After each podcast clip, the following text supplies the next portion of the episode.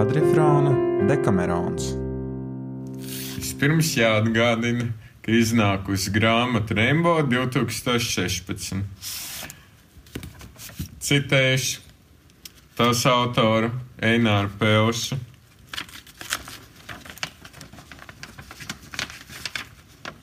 Slikti dzējot ir stilīgi, tāpēc ziniet, viss ir jūsu rokās, ja žēlāju ķebjā šķāstiem. Tātad Giovanni Boccaccio, Dekamerons, sestā diena, pirmā novele. Kāds bruņinieks saka Madonnai Oritai, ka vedīs viņu zirgā, stāstot noveli, bet stāsti tik slikti, ka viņa lūdz, lai noceļ no zirga. Jaunās donnas, kā skaidrā laikā zvaigznes grezno debesis, un pavasarī puķis zaļās pļavas un pakalnus salapojušie krūmi, tā slavējams paradumus un skaistas runas grezno veiklas asprātības, kas, būdams īsas, par tik piestāv labāk donām nekā vīriešiem, par cik donām mazāk nekā vīriešiem atļauts izplūst runāšanā. Ir tiesa, ka, lai iemesls būtu kāds būdams, vai nu mūsu prāta ļaunā daba, vai kāds sevišķs debesu naids pret mūsu gadsimtu. Šodien palikušas tikai nedaudzas donnas, vai pat neviena, kas vajadzīgā brīdī mācētu kaut ko pateikt, vai, ja tai, kas tiek teikts, saprastu to pareizi, par vispārīgu kaunu tām visām. Bet tā kā par šo jautājumu Pampinēja jau pietiekami daudz runājusi, nedomāju par to nekā vairāk sacīt, bet lai ļautu jums redzēt, kāds skaistums piemīt īstajā laikā sacītajam, gribu jums pastāstīt, cik smalkjūtīgi kāda cēla donna lika aklust bruņiniekam. Kā daudzas no jums varbūt pašas zinās, būdams viņu redzējušas vai par viņu dzirdējušas, Vēl nesen pilsētā dzīvoja kāda cēla un uzvedīga donna, laba runātāja, kuras lieliskums nepelnīja, ka viņas vārds tiktu noklusēts.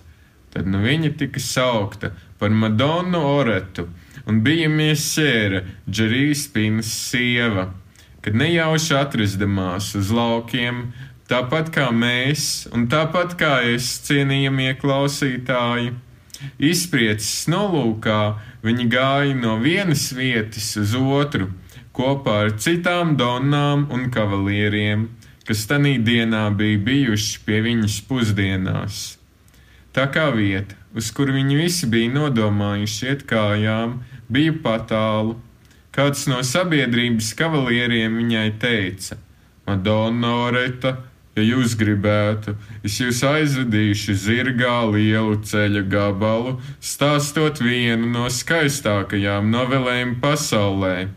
Dona atbildēja: Miesjēr, tiešām, es jūs lūdzu to darīt, tas man būs ārkārtīgi patīkami.